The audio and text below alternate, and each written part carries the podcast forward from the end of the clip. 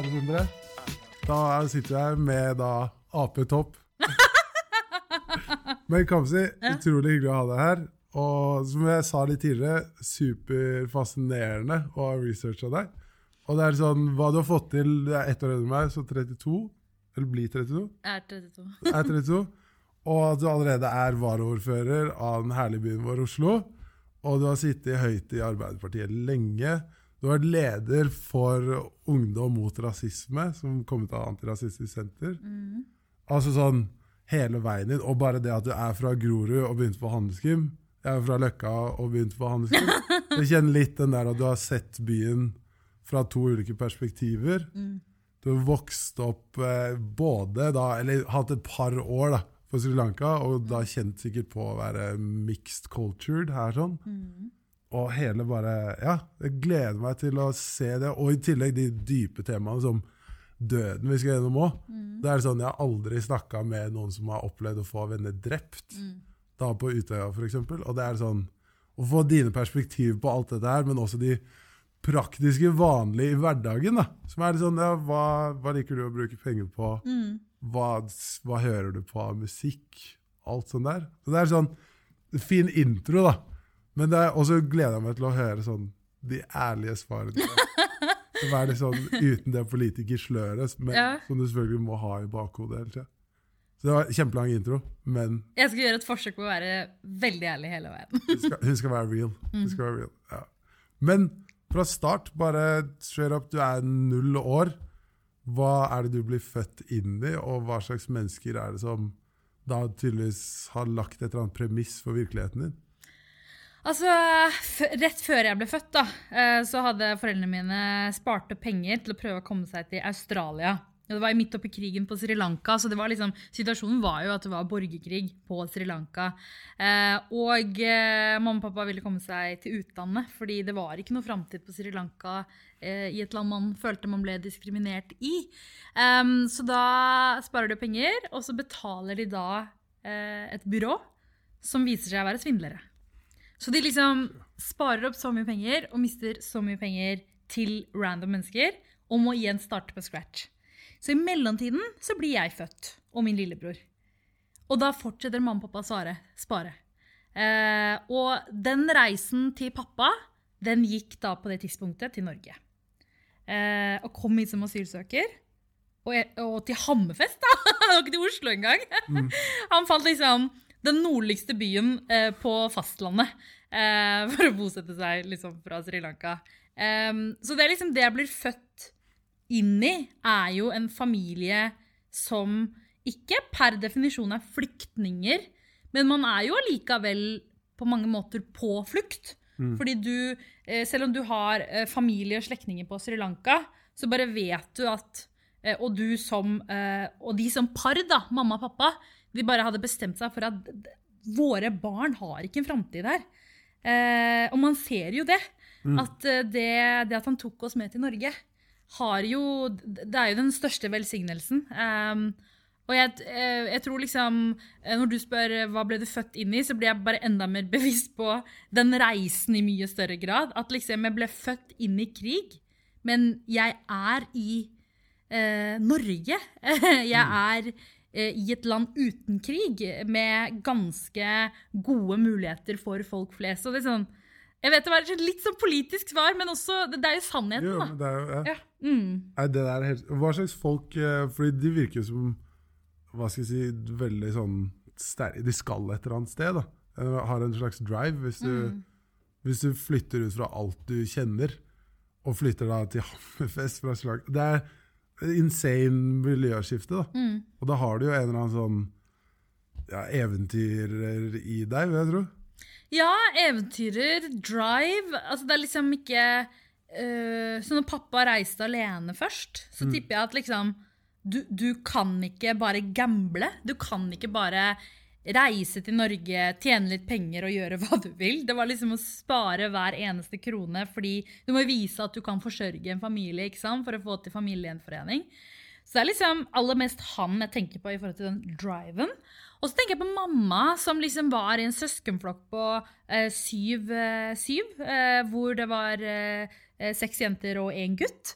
Eh, hvor man alltid ble passa på og dulla med, og hun var blant de yngste i tillegg.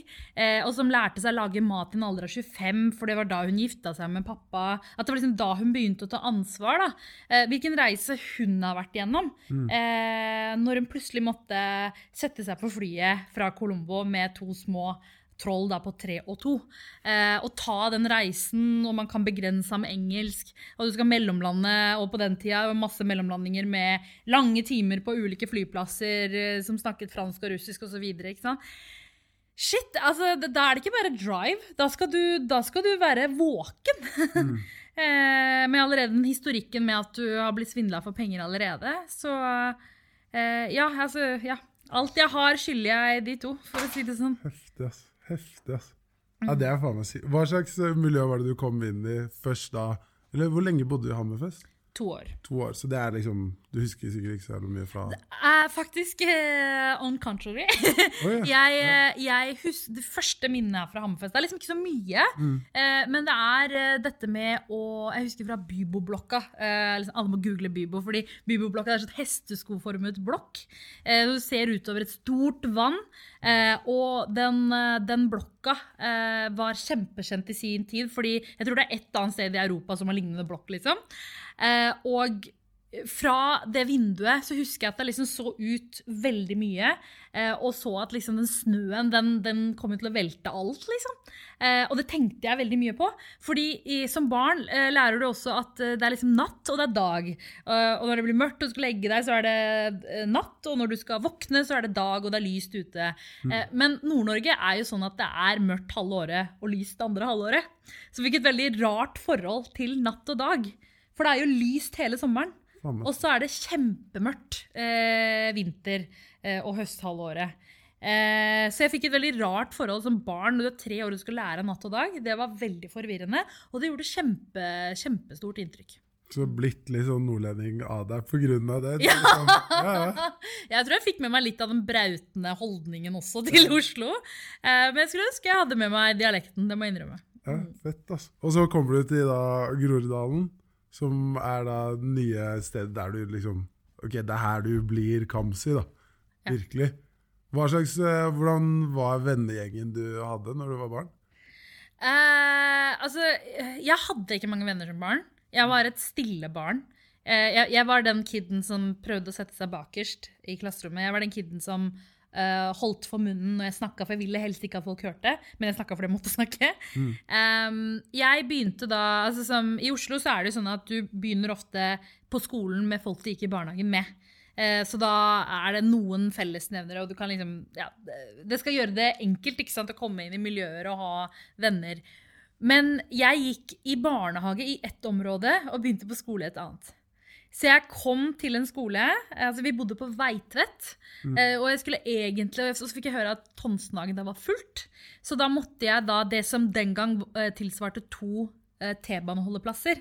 Så måtte jeg gå som unge, eh, altså som syvåring og åtteåring, hele veien til Rødtvet barneskole.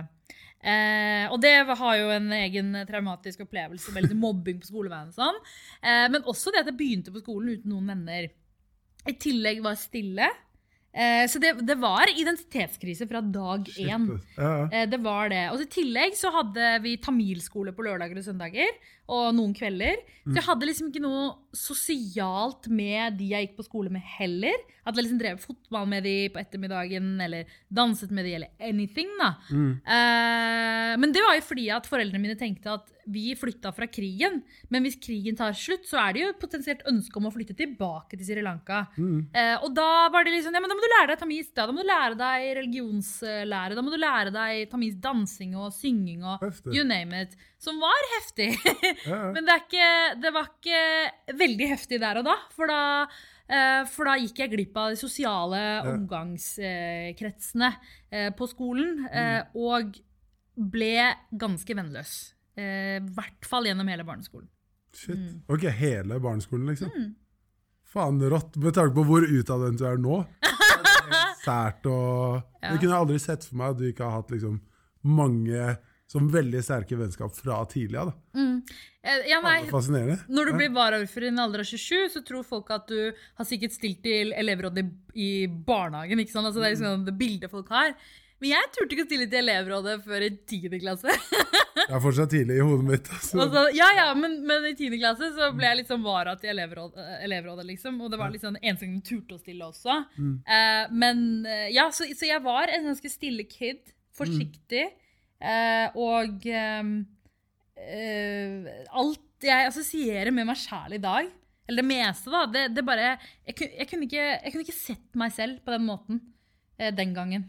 Nei. Mm. Ja, fordi det her, ja, den kanskje man møter nå Jeg ser for meg den at du som liksom tiåring bare Et lite frampeik. What? Ja, ja. Heftig. Hvordan var det da på ungdomsskolen? Sånn, så? Da var du mer Da var du mer varm i trøya. Da, da ble du bedre kjent med folk og tok litt mer ordet, kanskje? Mm. Det som skjedde på ungdomsskolen, er så veldig interessant, fordi Mm. det var veldig få med minoritetsbakgrunn på Rødtvet. Så det også skapte litt sånn spørsmål som hvor er du fra, hvor er du egentlig fra? ikke sant? Mm. Eh, som skapte veldig mye sånn um, uh, jeg, stilte, altså jeg, ønsket å være hvit. Mm. eh, liksom, eh, nok av historier på liksom, skrubbe meg i hjel. og Eh, skulle ønske at jeg ja. slapp å gå på tamilskolen. Altså, hva ga det meg? da? Jeg Ga ikke noen venner eller noen ting. ikke sant? Eh, og så kom jeg på Apa- Apaløkka, og greia var Apaløkka var da en felles ungdomsskole for Rødtvet og Ammerud. Selv om Rødtvet var blenda hvitt, så var Ammerud bare det var little eh, UN, ikke Ja, sant?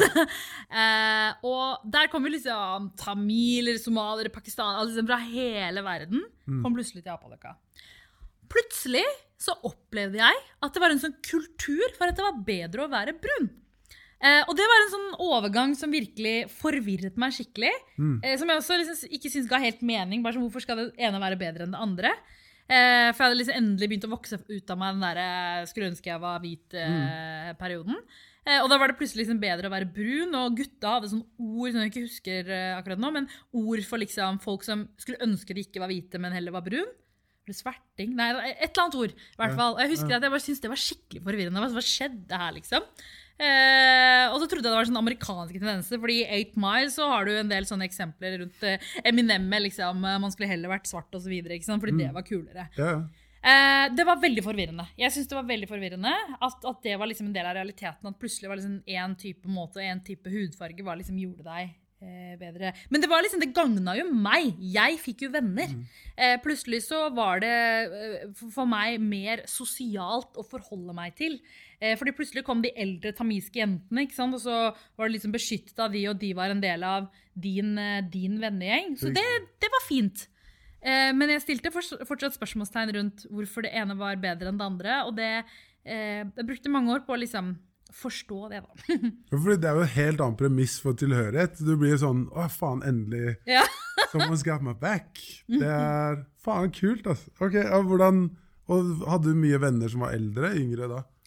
Eh, Mye eldre. Fikk etter hvert også yngre. eh, Og det tror jeg er noe jeg har tatt med meg ganske langt inn i politikken og liksom i dag også i privatlivet mitt. At jeg har venner i alle aldre. Så da hadde jeg liksom både i åttende klasse liksom hadde jeg nære venner i tiende. Og da jeg gikk i tiende, også det samme i åttende. da. Mm. Um, og det, det, det var fint. Det fungerte veldig bra. Um, ja. Så, faen rått, altså. Det må være sykt deilig da, å få den følelsen av sånn Åh, endelig er det noen som liker meg for meg. Ja. Og ikke måtte prøve å forandre på seg selv Ja. for å bli akseptert, men bare Å ja, vi er We look alike. ja. Fordi det er jo, det er jo en sånn evig struggle, syns jeg, å være mixed i hvor som helst verden. Mm. Fordi du har jo den Og jeg vil jo tro, da, i og med at du har vokst opp hele veien i Norge, at er du på Sri Lanka, så er det ikke sånn 'Å, velkommen hjem', og Ja. Da er det jo sånn 'Faen, jeg er norsk i Sri Lanka' i stor grad. da. ja. Så det er, nei, faen fett. Det er sånn, Jeg har en teori på at alle som er mixed, er veldig gode på ikke bare adapt, men sånn også smer mer klar for å finne noe i, seg selv i andre. ja. Så er mer åpne for at ja, men jeg kan fucke med deg og med deg og med deg, Mm. uansett hvem du er, egentlig. Fordi man aldri har hatt en sånn Å ja, det er oss i en bitte liten gruppe som alle ser like ut som deg. Så det er, jeg, jeg ser på det nå som noe kjempepositivt, i hvert fall. Men hvordan var det med sånn over neste tema, med sånn religion, spiritualitet? Hva slags forhold har du hatt til det, og bare virkelighetsoppfattelsen din? Så på privaten så har jeg ikke så mye til overs for religion. Nei. For meg som person. Og det tror jeg henger veldig sammen med at eh, jeg liker ikke at folk forteller meg at noe bare er sånn. Jeg må få en forklaring. Jeg må få en sånn OK, det er prosessen, det er tankesettet. Eh, og jeg opplevde at da vi hadde religionslærer på tamilskolen, eh, eller når mamma hadde små sånne eh, puja, altså liksom gudstjenester i heimen, eh, at det var veldig mye sånn Ja, men religion sier det. Sånn og sånn tror vi på. Eh, og det ga ikke mening. Eh, og det var mye forskjellsbehandling, særlig diskriminering mellom menn og kvinner. Eh, fattig og rik, kastesystem, ikke minst. Eh, og det skal sies, da. Familien min praktiserte det ikke. Men vi sto jo og så på at det ble praktisert i andre deler av samfunnet. Um, og det, så jeg bare opplevde at eh, religion ga veldig mye dårlige konsekvenser i samfunnet. Det var mitt inntrykk. Eh, og så blir jeg litt med i politikken. Eh, og så lærer jeg også at liksom, ta f.eks. homofiles rettigheter. Hva slags argumenter bruker man? Man bruker religion. Eh, abortloven. Hva slags argumenter bruker man imot? Man bruker religion. Eh, og ofte bruker man liksom eh, Om det er kristendommen eller hinduismen eller islam eh, man, har, man har noen sånne forklaringer som bare er sånn Sånn skal det være. Og jeg, jeg, jeg bare merker liksom, Jo mer jeg lærte om de måtene å sette grenser for andre mennesker på, desto mer steilet jeg. Så skjønner jeg at religion er viktig for mange mennesker. Ikke sant? Også for mine nære venner og venninner. Eh, Det er viktig for dem. Og det er derfor det er liksom, eh, liksom både kampsak i privatlivet som i politikken, er at men da er en privatsak. Det vil si, du må gjerne tro på det du vil. Du må gjerne praktisere deretter. Men det sekundet du bruker religion for å innskrenke noen andre menneskers frihet, da har vi et problem, liksom. Ja. Eh, og det er det jeg ser i hverdagen min. Jenter som frivillig velger å ta på seg hijab, jeg heier på dere. Men hvis du peker på noen andre jenter og sier at de må gjøre det samme, ikke greit. Eh, og, og det samme med andre ting også. At du, at du gjør hva du vil som handler om deg sjøl, og som handler om hva slags regler. Om du vil drikke eller ikke drikke, eller om du vil kle deg sånn og sånn, eller om du vil gifte deg eller ikke gifte deg. Sett dine egne regler, men ikke fortell andre mennesker eh, hva du skal gjøre. Det er sånn skjæra til kardemommeloven. Yes. ja. Ja, ja. Jeg føler den, altså. Er- hvordan har det vært sånn um, For jeg også liksom kommer fra et hjem som er mer ateister og agnostikere. Og det er sånn, Men i senere tid så syns jeg også det, det er et eller annet med å finne en eller annen mening med dette her, utover bare å forklare hvordan, hvordan, hvordan, og vitenskap. Men at innimellom så er det sånn tilfeldigheter. Å, shit, det er rart at ditt og datt. Og så er det liksom Om det er Elon Musk som kommer opp med liksom programmet, teorien om at å, vi er i en simulator og ditt og datt, så syns jeg alltid det er gøy å høre folk filosofere over hva virkelighet er, og om det er noe mer, og hvorfor faen Hvordan kan man bare sanse dette her og akseptere at vi sanser det, that's it. Just deal with it. Jeg mener at det gir meg mye mer å tro på mennesker. Mm. eh, kraften i mennesker og de endringene vi kan få til sammen. Eh, og når det gjelder religion, så syns jeg jo at det jeg ser i mye mye større grad nå, er jo hvordan veldig mange bruker religion til å spre kjærlighet, til å spre fredsbudskapet, til å spre samhold. Eh, at når synagogen blir angrepet, at eh, muslimene fra nabomoskeen kommer og slår ring. Ikke sant? Det er så, sånne eksempler, at man viser at, eh, at man ser hverandre på tvers av religioner, og at man, at man også sprer At det er mange der ute som bruker troen sin til å spre det glade budskap. Eh, men samtidig, for meg så Og jeg tror det er det som gjør meg så ateist og blasfemiker, da. Eh, og jeg sier blasfemi, apropos hva jeg tror på. At jeg tror også på det som egentlig er ganske vanskelig i dagens samfunn, er å utfordre religioner. Religioner er maktinstitusjoner. Og alle maktinstitusjoner må tåle å bli harselert med, tullet med og kødda med. Eh, det å hetse en enkelttroende, om det er en kristen eller muslimsk eller buddhistisk person, det er ondt. Man kommer ingen vei med å hetse enkeltpersoner. Men religioner som institusjoner må tåle at folk kødder. Mm. at folk eh, altså, tuller med tekster, karikaturer, eller eh, eh, at man har standup-vitser om ting. Fordi det handler om at man ikke disser enkeltindivider, men man handler om å, eh, eh, at makt alltid skal tåle å bli harselert med. Eh, og, og, og der merker jeg at i loven så er det det. Det er greit. Den dagen jeg ble varaordfører, så ble jeg spurt er du muslim. Jeg var sånn Nei, jeg vet ikke hvor du har det fra. Ja, eh, men jeg bare er ateist. Eh, og jeg kjemper hver dag for at de som tror på ulike ting, skal tro på det de tror på. Mm. Men jeg er også blasfemiker, sa jeg. Eh, og da husker jeg at jeg fikk inn masse e-poster. Ikke fra sinte muslimske eller hinduistiske eller buddhistiske menn og kvinner. Jeg fikk fra voksne kristne damer i Oslo. Som eh, skrev eh, 'Å, du kan ikke være varaordfører hvis du er blasfemiker'. Mm. Og da tenkte jeg sånn, ok, for det første, technically, blasfemiparagrafen er fjernet, ergo, i henhold til loven gjør jeg ikke noe ulovlig, liksom. Nei. Men når det er sagt, at ikke du, at du ikke har såpass til, selvtillit i din egen religion til å tåle at jeg konfronterer den, at jeg utfordrer den, Mm. det, det fascinerer meg. Så liksom, min tro, da, det jeg virkelig tror på, er at, eh, er at mennesker må få lov til å praktisere det de sjøl tror på, uten å sette begrensninger for andre. Eh, og at alt som har makt, som bl.a. religion har, må tåle å bli kødda med. Mm. For det, er, det er en ting som um, Jeg synes er relativt enig i at det er sånn Nå skal ikke liksom heve seg ut, men så er det én ting jeg tenker på med hvor langt det skal gå innimellom. At det er sånn Fordi selv om man da ikke på en måte angriper noen på individnivå, da, så er det jo en sånn eh, Sånn som karikaturene, f.eks., så er det jo mange som blir truffet på individnivå.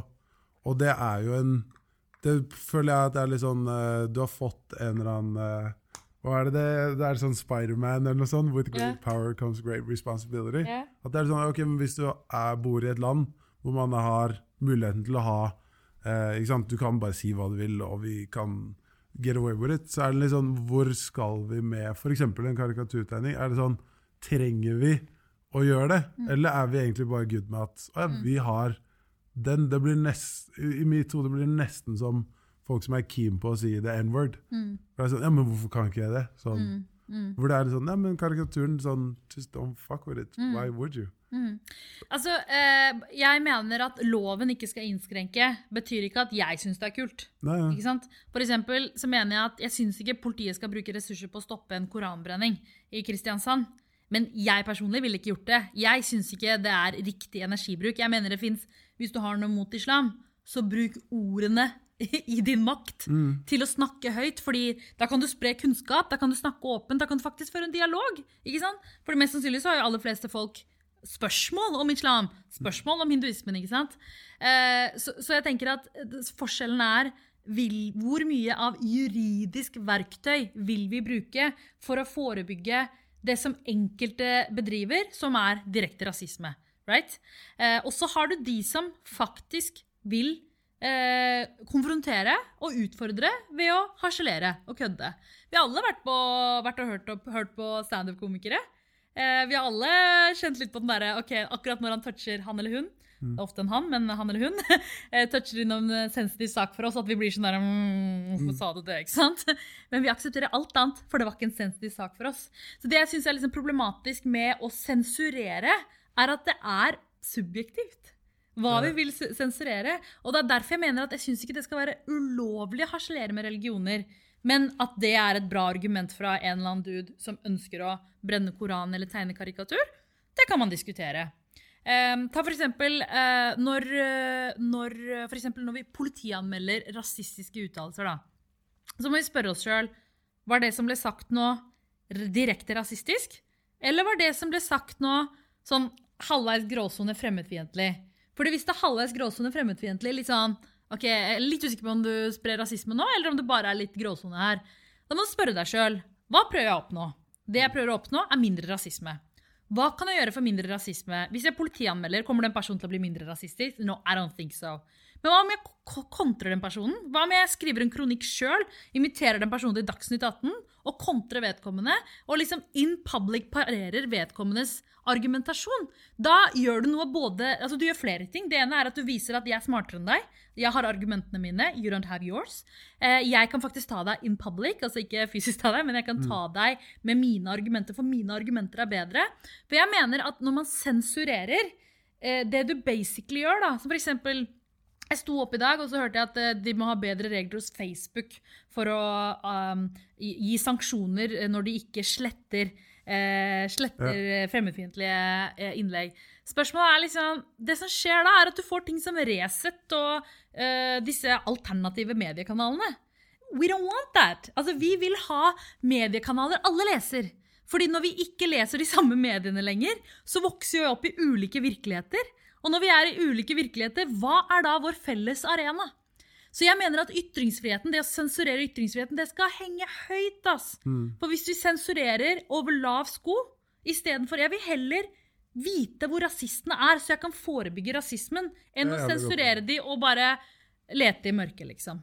Ja, den, den fucker jeg også skikkelig med. Det er, sånn, det er en viktig ting, tror jeg, nå i 2020, og da også opp mot eh, hva skal jeg si, ja, ja, bare det å få alt på bordet, som man vet. Og det er sånn, Jeg elsker standup. altså, ja, Humor det er verdens beste verktøy for å komme sammen. Tror jeg. Og det er jo sånn, Men alle er på en jævlig fan line altså, hvis de begynner å liksom klatre over ikke sant, når folk kødder om voldtekt, pedofili, rasisme, alle sånne ting. Så er det sånn du, du har muligheten til å virkelig hitte jackpot og få den verdens største latter. Men hvis de ikke gjør det, så føler jeg da må du også være jævlig klar for å tåle den backlashen du får. Fordi du har virkelig gått på trynet. da. Det er jo, men det som er kult, er jo de som da Det er nesten en som driver med flammer. Det er sånn, ok, You might get burned. Du får kanskje tredjegradsforbrenning i trynet. Men det er sånn, hvis du ikke klarer det, så er det sykt imponerende. Og alle er liksom hey! Og det, er- jeg syns det er fett at folk tør, da. Ja. Og det er jo heller å putte ut meningen sånn at vi får en bredere si, en flora av meninger, heller enn litt som du sier, at folk sitter i en låve eller et gutterom alene. Og vi bestemmer jo også hvordan vi reagerer. Ikke sant? Jeg bruker, Når jeg har litt tid ekstra, så bruker jeg liksom tida på å svare kommentarfeltet eh, på min egen Facebook-page. Eh, og det beste svaret du kan gi, er jo 'Hvor har du det fra?' Hvor har du det fra, liksom? Fordi ofte folk som kaster ut rykter, de har jo ikke belegg for å si det. Eh, noen bare er vrang eh, Altså, de, de leser deg vrang uansett, liksom. Men det er veldig mange som setter pris på å få svar. Og det skaper en åpenhet. Det skaper en dialog. Så jeg, bare, jeg mener at, eh, at eh, vi som tilhører den gode siden, vi som vil ha mindre rasisme, vi som vil ha mer likestilling og alle de gode tingene og verdiene i livet, vi er sterkere. Vi tåler mer, tenker jeg. Og vi skal være sterkere fordi den onde siden, den mørke siden, er også svakere mennesker, tenker jeg. Eh, og, og da hjelper ikke sensur. Da hjelper ikke stigmatisering. Da hjelper det bare å prøve å forstå og forklare på en måte de forstår. Mm. Og det er da jeg mener vi har gjort et, et reelt forsøk på å liksom samle folk, da. Topp. Ja, det liker jeg. Det er jo sånn En ting jeg syns er kult med religion, er jo at det er en eller annen form for tilhørighet. Det er liksom jeg og Sindre snakka om tidligere i stad òg, at det er en sånn Når man på en måte har sykt lite, og det det er sånn for oss å ha håp, det er null stress. Det er sånn vi vokser opp i Ja. Norge, liksom.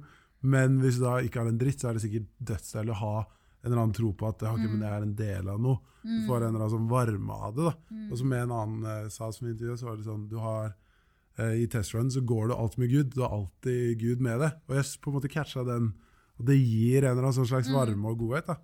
Eh, hva tenker du om eh, afterlife og døden midt oppi da? For det er sånn virkelighetsoppfattelse, men hva er dette om det da ikke skal ta slutt en dag? Ja, altså Siden jeg er ateist, da. Ja. Altså, jeg tror menneskekroppen er som greina på et tre. Hvis du brekker og kaster det ned, så råtner det og blir borte. Eh, og at alt som betyr noe, er det du gjør i dag, og før- fram til du dør. Eh, det er veldig viktig for meg, og det er liksom, kanskje liksom det, det med å være ateist handler om for meg, er Det handler om troen på mennesker. at mennesker må stole på kraften som ligger i deres eh, hender. Og så, jeg hører hva du sier. Det er med å anerkjenne mine privilegier om at jeg bor i et land hvor det er lett å håpe, lett å tro. Lett å tro på at jeg kan gjøre en forskjell. ikke sant? Eh, men, men at den troen også er viktig. da. Den troen på deg sjøl og hva vi kan få til i fellesskap. Eh, så afterlife, altså ah, altså det er sånn Foreldrene mine som er troende hinduer, da, altså de har jo en tendens til å være sånn og, uh, Kanskje ditt førstefødte barn kan hete det samme som mormor, ikke sant? og hun kommer til å være glad og se det fra himmelen, og så sitter jeg der og mm. Eh, Så jeg liksom Nei, jeg har veldig, jeg har veldig trua på hva vi gjør mens vi lever. Det er det som betyr noe. Uh, Jeg kan ikke tenke meg at jeg sitter på en sky eller eh, på en gud eller um, og dømmer eller mener noe. Jeg, jeg tror vi blir borte, og at det som er igjen, er det vi får til mens vi lever. Jeg følte jeg, det er tidenes joke hvis du faktisk gjør det, og du sitter og faen kødder. Jeg må ta telefonen til Bjørn og slette den podkasten. Men um, faen, altså sånn Du har jo opplevd død, sånn apropos det og at ting da faktisk forsvinner, som er et sånt tema jeg synes er litt viktig. Vi snakka litt om det tidligere, at det er sånn Jeg tror det er viktig å snakke om å normalisere det at Fordi det er jo den ting vi alle har til felles, apropos tilhørighet. At vi skal faktisk alle sammen dø. Men det er jo sjelden at vi snakker om det uten at det er umiddelbar sorg tilknytta. Men så er det sånn, fra ditt perspektiv så vet jeg jo at du, har, du var jo en av de som var på Utøya, og da både overlevde, men også mista dritgode venner og kolleger og alt mulig, og var med på alt det helvete som på en måte skjedde der. da. Og jeg tenker at det er jo ille nok å miste folk når de er altså, godt opp i åra, og det er savn og det er vondt, men det å vite at det var så potensielt så mye tid igjen av glede og opplevelser de skulle få oppnå. Hvordan, synes hvordan er ditt forhold til den utvikla seg nå over ni år?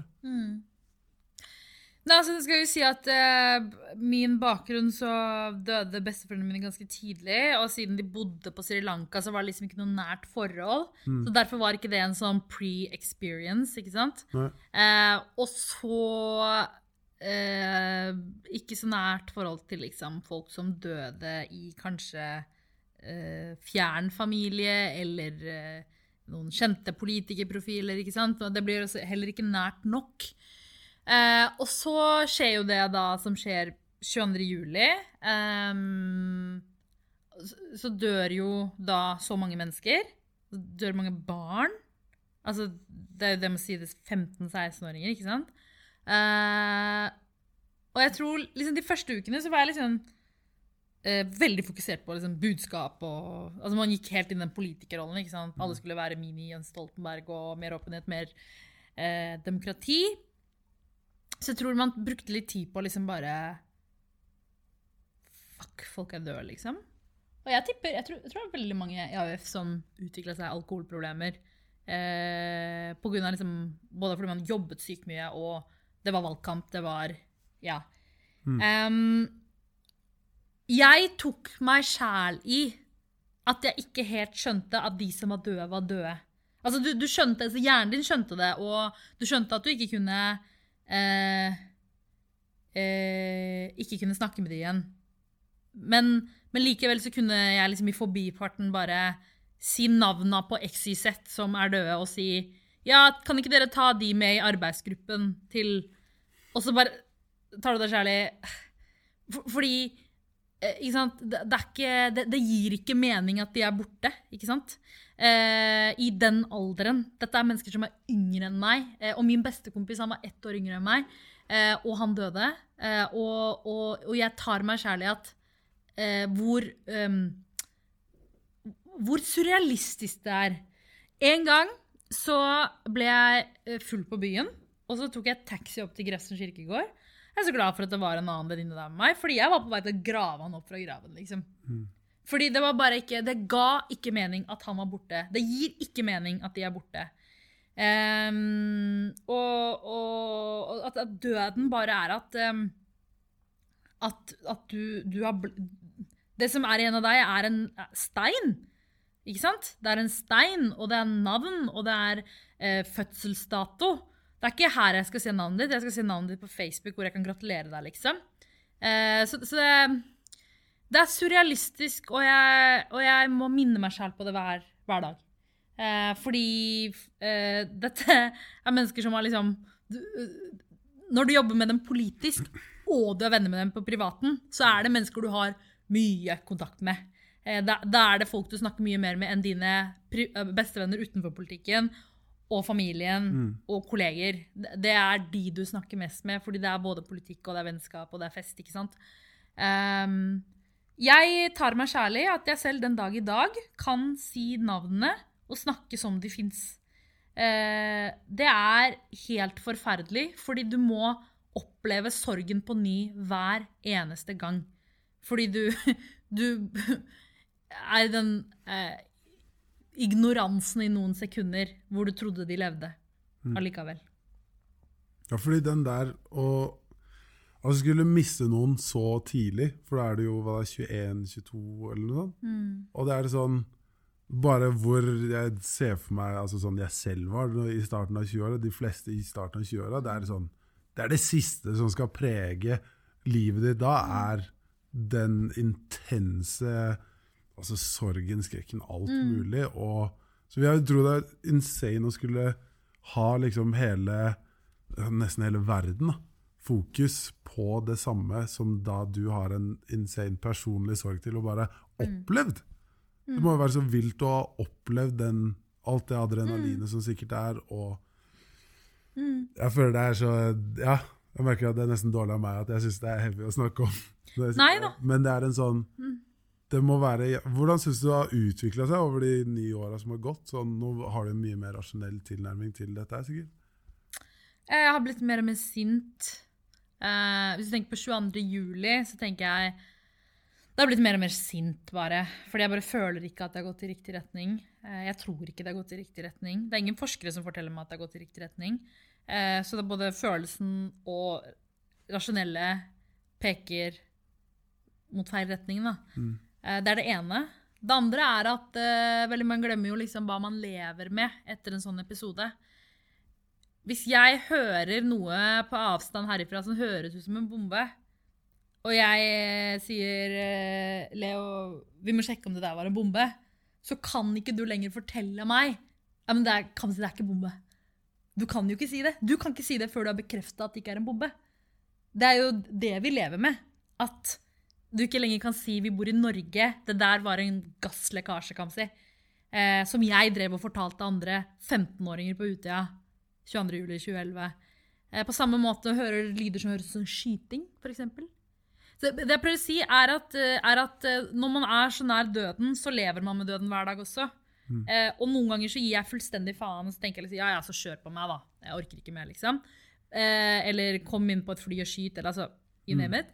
Eh, andre ganger så Jeg kan ikke gå inn på en restaurant uten å sitte sånn at jeg ser hele salen. Jeg må vite hvor jeg skal løpe hvis noen kommer skytende inn. Um, jeg kan ikke sette meg et sted uten å lage i hodet scenario på hvor jeg løper. Og det gjør jeg stadig. Um, og, og, og, det er å leve med døden. Fordi du tror at det der kommer til å skje anytime. Uh, og så, når jeg er sint på samfunnet for at man ikke holder løftet etter 22.07, så er jeg både politisk sint fordi det ikke blir gjort, gjort, nok politisk, men så personlig sint. Jeg er personlig sint for at jeg lever i frykten for døden mm. eh, hver eneste dag. Fordi den der er ja, faen, Det har jeg ikke tenkt over. Det er så sinns... Altså sånn, Den muligheten har jo blitt plassert i hodet ditt. Mm. Den er jo ikke til Den kan jo ikke tas bort. nei, og den er jo ikke i de aller fleste sin, ja, sin bevissthet i Norge. fordi det er, Norge har jo ikke, det er jo ikke bare fravær av krig, det er fred på en helt surrealistisk måte de siste tiårene. Som er Ja, det er virkelig rart. Altså, hvordan tror du det her har prega og forma verdenssynet ditt? Hvordan var det annerledes før og etter det? Uh, jeg tror før 22. juli så var jeg mye mer uh, optimist på at det ordner seg. Det går bra, det går i riktig retning. Um, for eksempel, uh, vi to har jo gått på handelsgym. Mm. Uh, og da jeg gikk der, i hvert fall, så så jeg at det, okay, det begynte å komme noen med minoritetsbakgrunn. Uh, når jeg besøkte handelsgym uh, ganske nylig som utdanningspolitiker, da, Mm. så bare merker jeg at liksom Nei. Ikke sant? Eh, at de som har minoritetsbakgrunn, er de som er der i spesialklasser. Eh, eller kanskje går yrkesfag. Ikke sant? Um, og det er så typisk eksempel på ting jeg bare trodde skulle ordne seg. Jeg tenkte sånn ja, men Nå er vi som noen få som går på handelsgym, men etter hvert så blir det flere fordi folk velger annerledes. og det, Selvfølgelig går det i positiv retning, og hele byen møtes, liksom. Men det er jo ikke det. Det holder ikke. Mm. Um, så jeg, så jeg liksom, verdenssynet mitt er preget av at det er vi som påvirker, det er vi som fikser dette her. Eh, men, men hvor lett det blir, er, er spørsmål som gjenstår å stille hverandre, da. Ja, det er godt. for- Det er en ting som jeg merker er sånn rød tråd med det, er at du tar jo ansvar konsekvent hvor du er. og det er sånn, Du var vel en av de som også skrev mye i etterkant av 22. juli. Og det er sånn, Jeg syns alltid det er sånn sykt fascinerende, spesielt de senere åra, hvor jeg har sett myndiggjort meg selv litt mer. Og er litt sånn, å ja, men faen, Det er opp til enhver av oss. Du kan ikke outsource dette her. Det er liksom, Hvis noe er fucka i hodet ditt, da er det ditt problem. Du kan, en, eller Enten så må du akseptere at det er noen andre som fikser det. Som jeg aksepterer, jeg ble ikke politiker. Da må jeg bare akseptere at det er andre som fikser det. sånn som det. er. Og det er liksom å håpe at det går i en kul retning, og da hjelpe til om noe. Det er sånn, Hvordan kan det gjøre det lettere for dere å utøve gode holdninger eller eh, valg og alt mulig? Men den der virker som det går så sykt igjen for deg i alle aspekter. Og det er et sånn kjempesært spørsmål å stille en faktisk politiker. Hva, hva ville du gjort som verdensdiktator? Hvis du var supreme leader Kamzy, og nå er det sånn, jeg elsker dette her, det blir sånn outtake fra sånn Apetopp mener hun var verdensleder. Men ja, du er diktator i en måned fra og med neste mandag. Ja. Hva gjør du? Eh, jeg hadde folk, fått, eh, fått folk i arbeid eh, og sørga for at vi hadde et skattesystem hvor man skatter progressivt. altså det vil Si, jo mer du tjener, desto mer skatter du. Og sørga for et bedre velferdssystem på verdensbasis. Eh, det, er, det er det det handler om, til syvende og sist. Rasisme, eh, diskriminering, eh, at folk ikke møter hverandre, at det bare er eh, At det er veldig blenda hvitt på handelsgym. Altså, alle de tingene handler om hvor vi bor, hvilke økonomiske ressurser vi har, og hvor mye vi deler med hverandre. ikke sant? Så vi kan ikke, Jeg kan sitte her og prøve å skape et Oslo hvor folk kan bo, Norge, verden hvor folk kan bo. Men hva hjelper det hvis vi ikke lever i den samme virkeligheten? Jeg tror Folk må i arbeid. Altfor mange står utenfor arbeidslivet. Folk må skatte, eh, og de skattepengene må gå til å sikre fellesskapet. Det er, liksom, det er det eneste mission. Alt annet løser seg med det, og det, I stand by that. liksom. Jeg har vært masse oppdrag i utlandet. Masse oppdrag. Jeg har snakket om alt fra likestilling, eh, rasisme, eh, byutviklingsspørsmål til liksom eh, havnepromenaden i Oslo. Altså Jeg har snakket om alle typer temaer. Og et spørsmål som er gjennomgående, er eh, How did Norway become the country you are today? Fordi liksom, herregud, Folk ser på Norge og tenker eventyr. ikke sant? Og da sier jeg uh, short version we pay our taxes, and the taxes are spent well. Altså, det er det som er sannheten. At vi betaler skatt, og vi har et fellesskap. Uh, og så stoler vi på at pengene blir brukt riktig. Uh, og hvis ikke den grunnmuren ligger til grunn ikke sant? Uh, bare se på svarte i USA. da. De har til og med narkotikapolitikk som systematisk er rigga for å holde de eh, i sjakk, liksom. Ikke sant? Eh, en ruspolitikk eh, som for, å, for å holde de som fortsatt eh, Hva skal jeg si, en underklasse. Eh, og det samme i Norge. Ruspolitikken gjør at eh, politiet arresterer eh, eh, flere kids på østkanten enn på vestkanten, selv om forbruket er like mye. Eh, så, så det er omfordeling. Det er til syvende og sist follow the money, liksom. Det er pengene og hvordan pengene brukes det handler om. For Jeg leste et innlegg du hadde om det her, og jeg hadde- aldri tenkt over det. At ja, men du røyker mer weed for eksempel, på Oslo vest, men da er det som regel hjemme. Og jeg tenkte ikke over det. Sånn, ja, at når jeg og gutta røyka weed, så gikk vi jo på Torshov, og Vi var liksom all over. Vi var ute hele tida.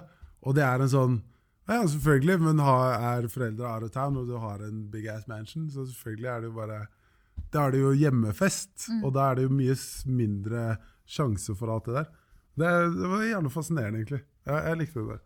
Men hvordan er det å egentlig ha gått fra å være ungdom som da Eller da barn, som er ganske stille, til ungdom som begynner å finne litt tilhørighet, til å bli ungdom som tar et tak og begynner å ta på deg ansvar, til blir ung voksen som virkelig får Altså sånn du på en måte jobber deg opp til muligheter og tar de, og konsekvent har bare kommet deg til en posisjon som varaordfører for hele jævla byen du har vokst opp i. Hvordan er, den, hvordan er det å se det fra ditt perspektiv? Eh, det- det gir deg jo mye håp, da.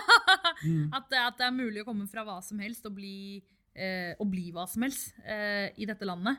Em, jeg, um, Tonje Brenna, som er fylkesrådsleder i Akershus fylkeskommune, også en uh, overlevende etter uh, Utøya, hun pleier å si, fordi alle, alle klager jo hele tiden, Uh, noen burde gjøre det, noen burde gjøre det, noen burde gjøre det. Så hun har som mantra hvor hun sier, noen, det er deg.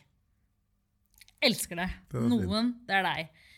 Så det blir litt sånn Hvis vanlige medlemmer i Arbeiderpartiet sender meg en melding og sier ehm, noen må ta tak i Og så sier jeg sånn Hvorfor ikke du?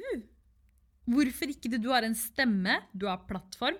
Altså Hvis du bor i Norge i dag og har en Facebook-konto, så har du en plattform som du kan bruke uten at noen dreper deg. liksom. Eh, og det fascinerer meg hvordan alle alltid forventer at noen andre gjør jobben, istedenfor å fikse det sjøl. Mm. Eh, jeg tenker at jeg kan ta ansvar og gjøre det jeg kan, men det er alltid begrensning på ressurser og tid. Eh, og at det er en sånn byrde vi må eh, fordele mellom oss, eh, tenker jeg. Det, er, altså sånn, det minner meg litt om eh, Gary Vee, som er sånn kjent motivational speaker. og sånn. Og han sa en smart ting, han har sagt, sikkert sagt par, men, sånn, men hvor han sa at eh, han begynte på en måte å bare spre sin stemme, fordi han innså at I'm just a thought contributor, I'm not a thought leader.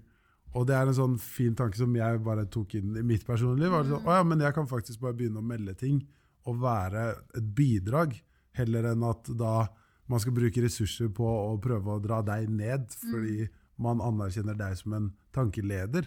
Nei, men du er jo bare en person som gjør et bidrag. Og hvis du føler noe annet, så do a fucking contribution yourself. Jeg syns det er en jævla kult message du har der. Og spesielt, du må ha kjent på det ved å være den miksen du er av kulturer. Og det er vel ikke så Hvor mange kvinner er det i politikken, sånn høyt? Er det blitt bedre? For- Det, det har jo blitt litt. bedre, Ja. eh, men jeg føler jo det er litt sånn outliers da, ofte. Fordi Mm. strukturelt så er det dårlig. Eh, hvis du ser på andelen kvinner i kommunestyrer, bystyrer rundt omkring i landet. Eh, nå har vi veldig mange eh, damer på toppnivå både i Oslo kommune og regjeringa, fra alle partier. Eh, men, men det er, jeg føler liksom, men strukturelt så sliter vi fortsatt. Så, ja, fordi da er det fortsatt at du representerer Mm. kvinner kjenner, altså hele tiden. Du er ikke bare deg selv, Mm. men du er både uh, anførselstegn utlending for alt Ja. fra østkanten, Ja. og også kvinne, som da sikkert må være nesten on your best behavior at all times, Mm. fordi du lager bølge ripple effects. da. Men det må jo være jævla kult også å komme deg dit hvor du faktisk inspirerer folk. For du er jo rundt på masse skoler og på en måte nesten preacher det du har snakka om nå. Ja, ja, og det er veldig gøy. Uh, å være rundt på skoler. Uh, jeg vet ikke hvor mye jeg inspirerer, men, uh, men jeg får i hvert fall snakka veldig mye med kidsa. Og det gir jo, og jeg får minnet dem på at politikk skapes jo ikke i en grotte hvor jeg sitter der med stein og et eller annet. Eh, politikk blir jo til når vi møter folk, og de kommer med noen ideer, og så setter jeg sammen en annen idé, og så blir det ny politikk, liksom. Eh, så liksom minne de litt på at de også har et ansvar for å lage politikk. Eh, og det tror jeg folk blir inspirert av. At de faktisk har en stemme og kan være med på å lage politikk for framtida. Ja, for sånn, Politikk føler jeg at det er, det er fortsatt litt sånn Ikke traust, men det er liksom, det er ikke verdens feteste ting. Nei, At det er jeg skjønner sånn at at mange er litt sånn «Å, Jeg vil heller vite om 669 er ute av traileren, liksom. At det er mange som har den. Men eh, ja, hva, hva var dine inspirasjonskilder og rollemodeller, og hva er det du har tatt av, tror du? Mm, det var jo ikke så mange i politikken uh, Um, kan jeg si da, at en av de som faktisk fikk meg inn i politikken, det var jo jeg, var, eh, jeg var med i Tamis ungdomsorganisasjon fordi jeg ville spre budskap om krigen på Sri Lanka. Og så var jeg på en tempelfestival fordi jeg måtte bli med mora mi. Eh, og så sier, eh, sier Tamis ungdomsorganisasjon nå, vi får en skikkelig viktig Arbeiderpartipolitiker på besøk.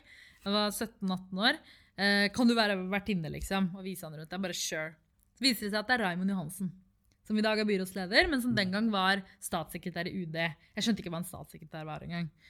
Men det som var gøy, var at for meg, det betydde ingenting at han var fra Arbeiderpartiet, at han var en hvit, middelaldrende mann. Ingenting av de uh, tingene betydde noe. Det jeg fant ut etterpå som liksom appellerte til meg, og det tenker man ikke over før det skjer, er at han var en groruddøl og snakka fra levra. Og så spiste han opp bananen vi skulle ofre til Gud. og Det var veldig morsomt, da. Han bare er sulten når jeg tar det der. Nei, altså, um, han var skikkelig Groruddøl. Uh, han snakka til meg på mitt språk. Uh, og det inspirerte meg. Eh, og når jeg sa til han at eh, fritidsklubben og, begynte å ta opp ting, så var han liksom ja, Du må jo si det du mener. Du kan ikke forvente at andre snakker for deg. Du har en stemme, du òg. Og det var et budskap han allerede impregnerte i hodet mitt. da. så jeg vil definitivt si at den hvite middelaldrende mannen mm. er den som uh, kanskje inspirerte meg aller mest. Heftig. Mm. Hva med kultur og sånn? Du har jo både jobba med det, men du har jo sikkert konsumert helt latterlige mengder, du òg. Hva er sånn musikk, bøker Hva er det du syns er fett? jeg syns det er veldig sånn Jeg, jeg synes det var kleint å innrømme det da. Men jeg hørte masse på sånn Tupac, Eminem mm. eh, og pugga alle tekstene og Men turte ikke å rappe foran noen, da. Men eh, fra liksom slutten av barneskolen så var jeg veldig på dem. Eh, skrev særoppgaven eh, i tredje klasse på videregående om Tupac. Og altså, så, jeg dro den helt ut, da. Uh, og tok liksom Tupac-emnet på UiO. Nei, altså um, Hiphop har vært en slags sånn Der jeg får utløp for ulike følelser. Så det har liksom betydd mye for meg sånn sett. Mm. Og så har jo vi i senere tid fått en rekke artister, bl.a. Karpe, som setter ord på det vi kanskje ikke klarte å sette ord på i sin tid. Mm. For det er noe med å få Man kan liksom høre på amerikansk rapp, men det er noe med liksom få sånn Oslo-setting over det også. Eh, som gjør det mer personlig eh, og relaterbart. Eh, de har også, og en rekke av de har også rappa om 22. juli, f.eks., som gjør det liksom Ja. Mm. Eh, at du føler, føler mer med så det har vært viktig sånn eh, et sted å få utløp, vil jeg si. Um, og det betyr veldig mye. Eh, kanskje mer enn jeg noen ganger gir uttrykk for. mm. Mm. Er, jeg syns det også er så mye å hente der. Og det er sånn, Både det og house synes jeg er på en måte to interessante kulturer, for de henter fra alt. Det er så, det er sample, og det er sånn i hiphop så er det jo den Us Against the World og altså Fight the Power, mm. egentlig mye i det. Mm. Det, er, det, er, jo kult at du ja, føl, Da føler jeg sånn Ok, da er nært for Groruddalen. Mm. ja. Det må ha vært stor del der. Hva var det mer i senere alder, da? Hva er det du liker å gjøre? Sånn å bli inspirert av, eller gjøre kulturelt sett? Eller mm, kulturelt Der hvor jeg er nå, ja. Ja. beste er reise rundt i byen og møte ungdom. Mm. Uh, det er ikke politisk korrekt svar, for de sier mye rart, altså. Mm. Men, uh, men, de sier ting som treffer deg og de setter ord på ting slik de opplever det. Og det er kanskje noe av de viktigste bekreftelsene og avkreftelsene for, for politikken og for mitt liv. da. Eh, det er alt fra liksom å sitte med unge jenter som kommer med masse kule ideer. De kan være 14-15 år, og så sitter de De er fra Romsås, f.eks. Og så sier jeg ja, men uh, skriv kronikken i Akersavisen, jeg kan hjelpe deg, jeg kan lese over. Og så sier de ja, men jeg kan ikke skrive kronikk, hun er jente, du kommer til å få sykt mye hets. Uh, tenk, tenk, at, tenk, at, unge jenter på 13-14 år sier det i dag, i 2020. liksom. Mm. At du ikke tør å skrive. Og det er en viktig påminnelse for meg. Jeg vet av tall, jeg leser forskningsrapporter, jeg vet at unge jenter med minoritetsbakgrunn vegrer seg. Ikke sant? Det provoserer meg, og det inspirerer meg. fordi det er, liksom, det er det politikken handler om. Hvis ikke de har en plass i ytringsfriheten, hva er det vi driver med? liksom? Mm. Men det å møte reelle eksempler som sitter og sier 'jeg tør ikke å sende en kronikk til lokalavisen og si at fritidsklubben skal ha lengre åpningstid, for de er redd for å få hets'. Det inspirerer meg. det provoserer meg også, men det inspirerer Mm. meg. Fordi, fordi det er det som er påminnelsen om at uh, our job is not done, liksom. Faen meg godt poeng, altså. Den der er sykt, der er sykt farlig, ass. Å Mm. kunne Ja. Jeg håper faen meg vi kommer forbi det stedet der Mm. kjapt som faen. Over i noe helt annet, en sånn 360. Eh, hva liker du å spise og drikke og bruke kroppen til? Å, det er bare Det er guilty sånn- pleasure. Eh, jeg er veldig glad i mat. Eh, og så har jeg brukt noen år på liksom eh, For jeg, jo, det jeg drev med på tamilskolen, var jo sørindisk dansing. Mange timer hver uke. Men poenget med dansing når du begynner som femåring, ikke sant? Mm. er at du tenker jo ikke over at du trener. Mm. Hvis når du bruker så mange timer på å danse hver uke, og det er alltid en show man trener opp til, en eksamen du trener opp til, så er det bare noen som er liksom integrert i kroppen din fra du er eh, fem år til du er hvor gammel var jeg, 20-21 år. Til liksom slutta helt, da. Eh, og da liksom merka jeg at jeg var 21 år, det liksom begynte å legge litt på meg. Uh, og fordi jeg var jo fortsatt glad i mat. Mm. Uh, elsker, elsker mat. Og, og det var liksom Å ja, ja, nettopp, jeg slutta å danse. Mm. Så det liksom det å liksom bygge opp igjen kultur for trening, altså det å faktisk melde seg inn i SATS og ikke bare ha et støttemedlemskap, men faktisk aktivt medlemskap, det brukte jeg noen år på. Fordi, fordi dansing var gøy. Men det å stelle seg på mølla og løpe en time, det krevde mye indre motivasjon av Tupac og Eminem eh, og Karpe samtidig. Eh, men, eh, men mat, jeg elsker mat. Jeg synes jo eh, Det er fint at Oslo etter hvert har fått mat, mat som smaker. Mm. Jeg har akkurat vært på turné på Innlandet eh, sammen med kjæresten. Eh, god mat, men det smaker jo ikke så veldig, veldig mye. For det er liksom ikke utover salt og pepper ikke så veldig mye, da. Jeg var på en indisk restaurant eh, på Innlandet et sted. Vi sa sterk. Jeg tror jeg fikk mild minus. Ja. Så det var sånn, jeg kom hjem og var litt på gråten. bare Maten der funka ikke, liksom. Eh, så, så, så det er så viktig mat er for meg, og at den er spicy. Eh, og jeg, største dilemma eh, liksom, for meg eh, i 2020, da, og dette sier jo noe om hvor, hvor eh, bortskjemte vi er, er jo hvor mye kjøtt jeg skal spise. Fordi jeg elsker kjøtt. Mm. Jeg er så glad i kjøtt. Jeg, jeg tror det er det jeg bruker mest penger på. Jeg tror liksom, liksom Kontoen min viser liksom uh, ulike, ulike tema, uh, altså undertitler i forhold til mat, så tror jeg kjøtt er liksom uh, Det jeg bruker mye penger på. Fordi jeg elsker, elsker kjøtt. Um, så så det, det er veldig pinlig å innrømme, men, men uh, i et sånn Arbeiderparti-MDG-samarbeid you, you, keep, you keeping it real? ja, ja, ja. Men det er, det er godt. Det er den største guilty pleasuren min. Eh, eh, og, og det å oppleve nye matkulturer med ny smak, eh, det, det lever jeg for. Og så har jeg en pappa som er utdannet kokk. Eh, så i tillegg til liksom mammas tamilske eh, mat, da, så har liksom pappas fusion mellom norsk og tamilsk mat. Fy faen, så fett. Eh, altså På julaften spiser vi spicy ribbe, liksom. Eh, så det er sånn Nice. ja, jeg lever for det. Ja. Ehm, eh, og jeg kan faktisk grine av dårlig mat. Hvis jeg har spist dårlig mat Selvfølgelig jeg er jeg jo varaordfører, så jeg er jo uh, uh, anstendig og høflig nok til å sitte og spise opp maten min. Men, men jeg kan komme ut og begynne å grine. Ja, liksom, Hva var dette her for noe, liksom? ja. Det var langt svar på hva Nei, penger går til. det er rett. Men hvordan er du på Fordi det er jo sånn, Smaker er jo sånn en helt Det er også dritviktig, tror jeg, for de fleste. sånn, Mm. Spesielt som har liksom miksa kulturer. så er det sånn Å, fy faen, yes, endelig. og det var sånn, Jeg husker også på liksom, Løkka og Bjølsenvik på skole. det var sånn, Skoleavslutning så var det sånn Å, please, vær foreldra til XXX som lager mat, og ikke noen andre. For da blir liksom pølser og burger, eller hva faen. Men nå er det noen som pulla opp med samosa og pakora. og Hele pakka, så var det yes! Men, men hva, liker du å lage mat? Hjemme? Nei. Nei? Jeg er veldig dårlig på mat. Eh, veldig dårlig på å lage mat. Eh, jeg har etter hvert begynt å ha litt sånn enkle greier. Eh, men nå har jeg fått en kjæreste som lager veldig mye mat. Eh, og, og er liksom tippoldebarn av mm, hele Norges matmor fra 1800-tallet. Eh, så jeg var sånn der OK, du står for matlaginga. jeg prøver også å lære bitte litt, da. Eh, så det er både, nå er det både en far og en kjæreste som er litt sånn Nå må du lære deg litt. Ja, men da er det jo, da er det jo ordna. Ikke Så trenger jo du egentlig ikke Fett, altså. Hvordan er det? Fordi En ting jeg merker er at alt alltid er stress med å lage mat hjemme, er jo tid.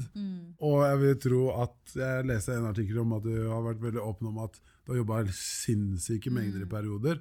Og det virker jo sånn hvis du har det ambisjonsnivået du tydeligvis har, da, så må du ha lagt ned ekstremt mengder i karriere.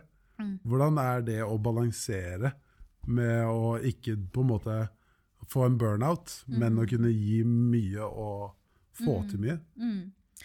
Jeg tror, jeg tror det alltid vil være kjempevanskelig. Fordi når du endelig har funnet din egen balanse, så er det noen utafor som mener ja, men du skulle vært til stede på det arrangementet. Du skulle tatt den talen. Du skulle gjort noe. Ikke sant? Eh, så jeg tror at, eh, at eh, vi trenger større åpenhet rundt det. At når man begynner å bli utslitt Jeg bare merker, Da jeg var åpen om at jeg fikk eh, spiseforstyrrelser pga. overarbeid i en periode, så fikk jeg plutselig masse meldinger med eh, ulike fortellinger om hvordan folk hadde opplevd det sjøl. Eh, og, og det jeg syntes var fascinerende, var at de aller fleste holdt jo kjeft om det. Mm. Det, var ikke, det var en fortelling de ville dele med meg og bare meg. Det var ikke en fortelling for verden, fordi det er tabubelagt. Eh, selv når jeg sto fram med det der, så ble jo jeg fortalt at kanskje du ikke er skikka til å være varaordfører. Var det noen som sa. Og det er veldig interessant uh, hvis politikken bare skal bestå av de som er 100 eh, sharp og eh, klare for å tåle absolutt alt uten å bli påvirket. Hva slags sted blir politikken da? Hvordan kan du være et menneske som viser empati, sympati eller noen andre former for følelser? Um, og det er en refleksjon jeg har gjort mye av. Så når jeg ble fortalt at du burde kanskje ikke vært åpen om spiseforstyrrelsene, for nå tenker folk at du ikke er kvalifisert til å være varaordfører, da tenkte jeg fuck det, da skal jeg snakke mer om det. Fordi det sitter unge jenter der ute, det sitter også unge gutter der ute med mange ulike komplekser med kropp og sinn, og de prøver å kombinere det med store visjoner om hva de har lyst til å få til i livet. Og det å snakke åpent og ærlig om at vet du hva, jeg er en tøff jente som får til mye i livet, og av og til ser jeg på kroppen min og tenker hva faen er det som skjer her?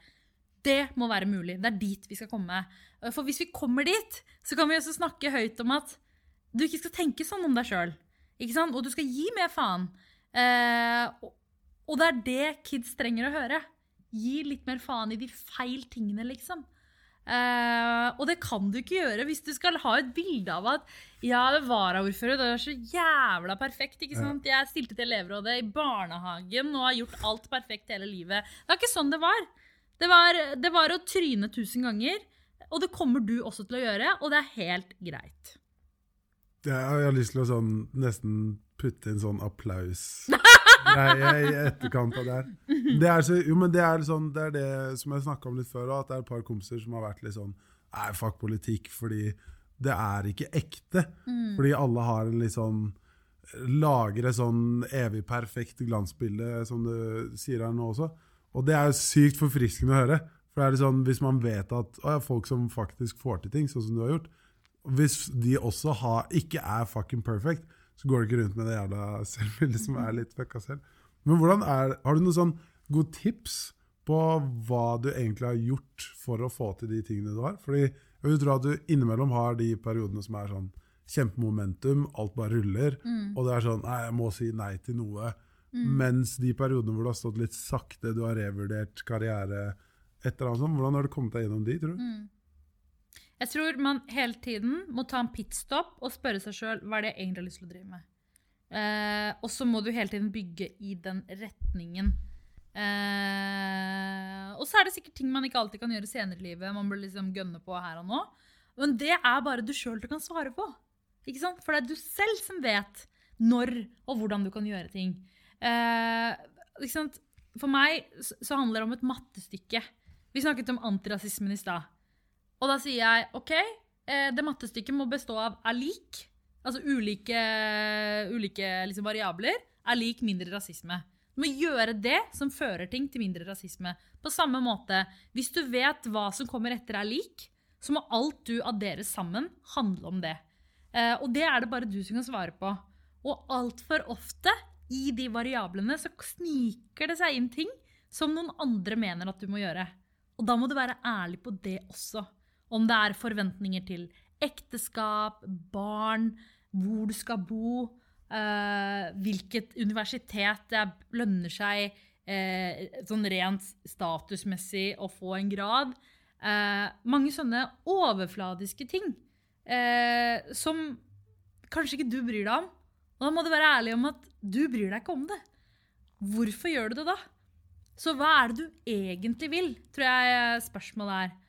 Eh, litt som hun eh, Livy spør i Scandal hver gang hun skal starte med en ny klient, er What do you really want? liksom. Um, og, det, og, det, og, det, svaret er det bare enkeltindividene sjøl som kan svare på. Mm. Eh, det kan ikke jeg svare på. Men jeg tror at jeg lærte at jeg tilpasset meg altfor mange mennesker. Jeg gjorde valg basert på forventninger fra andre. Og at det er det som har gjort at det av og til har blitt noen U-sving og eh, noen eh, eh, Hva skal jeg si eh, Noen reiser som kanskje ikke helt var det jeg planla. Selvfølgelig er man blitt beriket av det. Eh, men, eh, men, jeg skulle gjerne levd et liv hvor jeg mye tidligere lærte å gi faen i hva andre mente.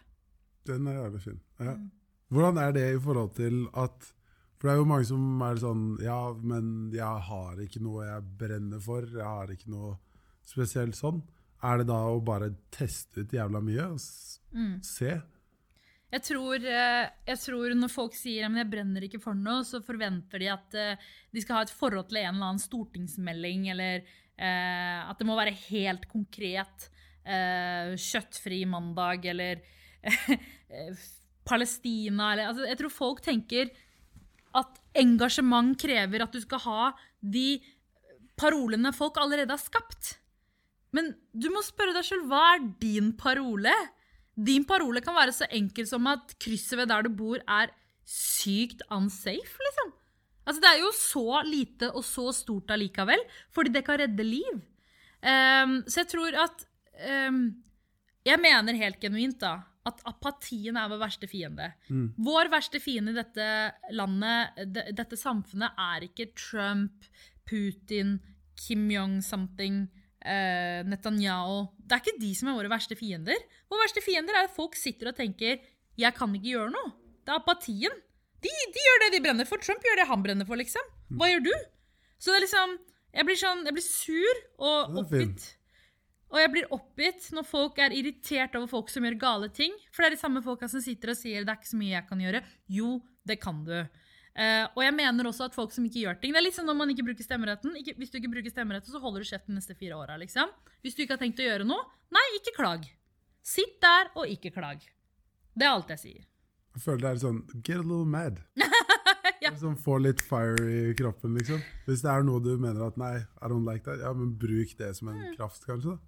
Fett. Hvordan er du i forhold til personlig økonomi og sånn? Mm. Så, for det er en sånn Ja, og bare den der å ta litt sånn ansvar òg. Mm. Har du vært god hele veien med penger? Hva er ditt forhold til Mitt forhold til penger er at det er ikke noe vi alltid har. Eh, så man må liksom ha den der fine balansen mellom spare litt og bruke. Eh, og bruke. Um, jeg var jo sånn som ikke Altså, det har ikke så mye forhold til personlig økonomi, for liksom jeg ble sånn midten av videregående, kanskje. ikke sant? Fordi før det så var det liksom ikke store behov. Um, og jeg hadde jo behov for å kompensere for det livet jeg tidligere levde, som var veldig um, uten venner, veldig lukka, ikke hadde noe behov, ikke hadde noe behov for liksom anything. Men uh, det jeg aldri kommer til å angre på at jeg har brukt kanskje brorparten av pengene mine på, det er å reise. Um. Heldigvis for mange av oss som har vokst opp i flerkulturelle miljøer i Oslo, så har vi bodd i Little Sri Lanka, Pakistan og Somalia, og mm. det har gjort oss til de menneskene vi er. Men allikevel så er Norge et privilegert land. Uh, så det å reise uh, og reise både i luksus, men også sette seg ned på gateplan. Um, og det å reise og holde kurs for kvinner um, og bo med dem Um, og det å reise og liksom se de tingene man så på film, um, det, det, har jeg brukt mesteparten av økonomien min til. Og det angrer jeg ikke et eneste sekund på. Uh, og det betyr at man sparte mindre, liksom. Uh, men, uh, men, det er noe som gjør med deg også etter et år som 2011, er Men da dør jeg i morgen, da. Og så har jeg gjort det. Mm. Mm. Det var fint. Hva er det sånn i hverdagen du liker å bruke penger på? Mat. Mat. Er det, mye, er det mye fete restauranter du drar på, eller er det da innkjøp og sånn? Um, nå har jeg veldig mange venner som lager mye mat og sånn, så uh, er det mer liksom restaurant... Før var det mer restaurantbesøk på reisende, Mm. men uh, nå, nå besøker jeg og vennene mine flere Altså, Oslo har også fått bedre tilbud de siste åra. Mm. eh, med nye restauranter, sånn både fancy og halvfancy, liksom. eh, med mye god mat. eh, og det har blitt en prioritet. Og særlig etter koronaen så mener jeg at de av oss som har hatt trygg lønn, eh, at det var liksom litt vårt ansvar å bruke pengene på Uh, utelivet i Oslo og restaurantbransjen. Så det er bare sånn herre OK, gå ut og bruk penger, folkens. Eh, for vi må holde økonomien i gang, liksom. Så, Ja. da, så da brukte det som unnskyldning til å også liksom teste ut en del restauranter. Fett. Mm. Og det er faktisk mye digg der ute nå. Det er, det er jævlig kult. Har du, har du noen eh, bra tips? Eller er det, det blir kanskje plugs det i forhold til? Det er sånn, ah, ja. Åh, ja, det blir jo litt det, da. Ja, det blir kanskje det. Eh, Men jeg blir vil sånn shout-out eh, til hele Oslo. Jeg er glad i alle restaurantene i byen min. Jeg. mm, OK, men hvis, hvis eh, jeg skal være litt, eh, litt eh, inhabil, siden jeg fikk åpne Oslo Street Food og klippe snoren og sånn, eh, så syns jeg også Street Food kan få en liten shout-out. Men det er også fordi at de har veldig mye forskjellig. Masse forskjellig. Og hvis liksom, liksom Før, når man er en gjeng og skal finne mat, og alle craver forskjellig, så finner du ikke et sted å dra til. Da må du heller ta ta takeout og liksom ta det med deg hjem. ikke sant? Men nå finnes det jo liksom mathaller hvor eh, man kan dra dit, eh, og så kan alle kjøpe forskjellige ting. Og det liksom, også street food syns jeg er eh, eh, veldig bra, da. Hyggelig. Mm. hyggelig. Nice. Siste tema. Kamzy som gammel. Hva er, tankene, hva er tankene rundt det? Hvem er du som 80-åring? Jeg håper at, uh, at jeg har valgt eh, jeg, skal- faktisk ikke, Det er ikke gitt at jeg er i politikken, liksom. Jeg har alltid sagt til meg sjæl at jeg vil være lærer hvis jeg ikke er i politikken. Så eh, det kan gå liksom en av flere veier. Enten så fortsetter jeg politikken, eh, kanskje komme på Stortinget, kanskje bli minister. Eh, og det blir liksom den lange veien gjennom politikken. Eh, og sikkert som frivillig arbeid mot slutten som handler om likestilling i andre land. Eh, for det er noe jeg gjør, er at jeg reiser mye til andre land og holder kurs og får kvinner til å stille til valg. Eh, og det tror jeg kunne brukt fulltid på av liksom pensjonen min. Um, uh, jeg sa til kjæresten min her om dagen hvis du dør fra meg Altså, don't you dare, liksom. Så jeg forhåpentligvis lever han fortsatt. Men uh, statistikken er jo fortsatt at menn dør tidligere. Ehm, og så eh, Ja. Jeg er litt usikker på eh, hvor jeg bor. Ja. Eh, fordi jeg håper at jeg slipper å bo ett sted. Eh, jeg tror også verden blir mer sånn. At vi ikke søker oss til ett sted. Ehm, og ja. Så forhåpentligvis kan vi bo litt ulike steder. Eh, Oslo, eh, Portugal, Sri Lanka. Um, Hyggelig. Jeg liker det. Hva, hva ser du etter eh, i en livspartner? Hvordan kan jeg si det når jeg har kjæreste nå? Jeg kan ikke Ja, ja. si noe annet enn det han har. Nei, da. Nei, han eh, Jeg må innrømme at det som er veldig interessant med korona, er at før korona så har jeg faktisk aldri lett etter en kjæreste. Jeg er ikke helt den typen som søker sånn ekteskap, barn og alt det der. Uh, og så lasta jeg ned Tinder for å finne folk å gå tur med i Morka.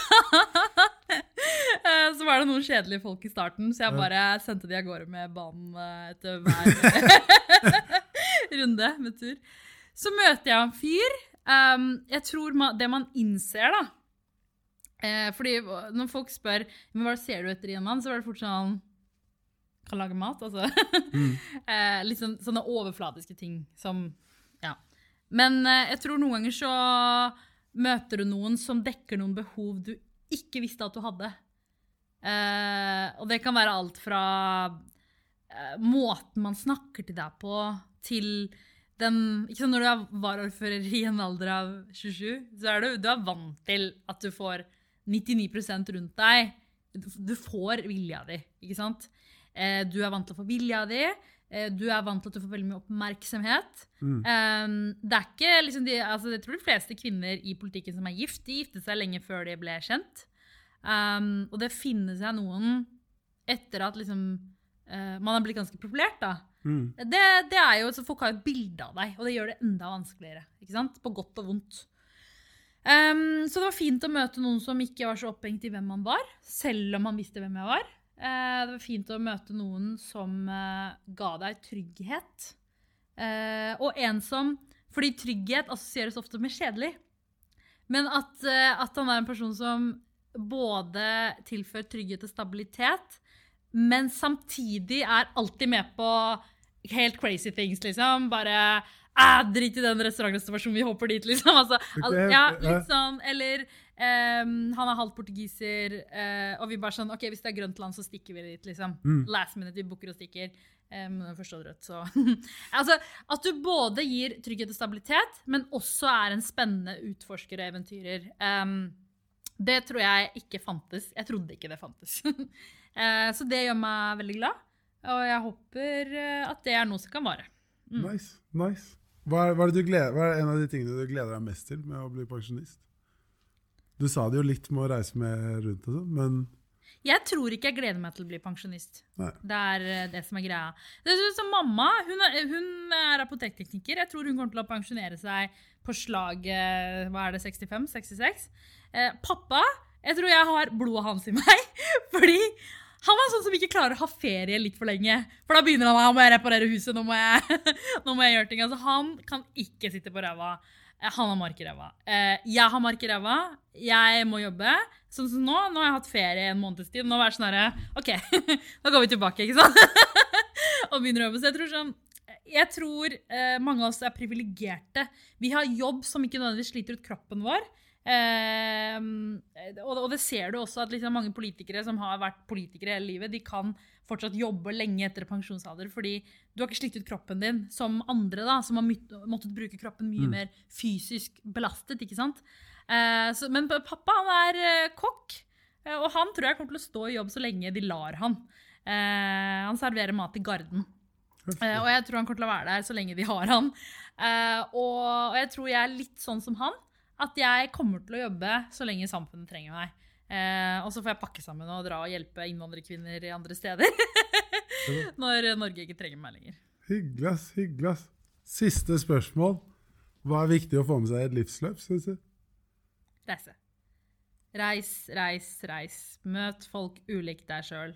Um, eh, sett deg ned og bare begynn å prate med folk. Ok, Greit, hvis de ser rart på deg, gå videre, men just do it. Eh, og det er aldri for sent, og det er aldri for tidlig. Den var fin. Ja. Mm. Utrolig hyggelig, Kamsi. Det var dritbra prat. Fy faen, nice. Yeah.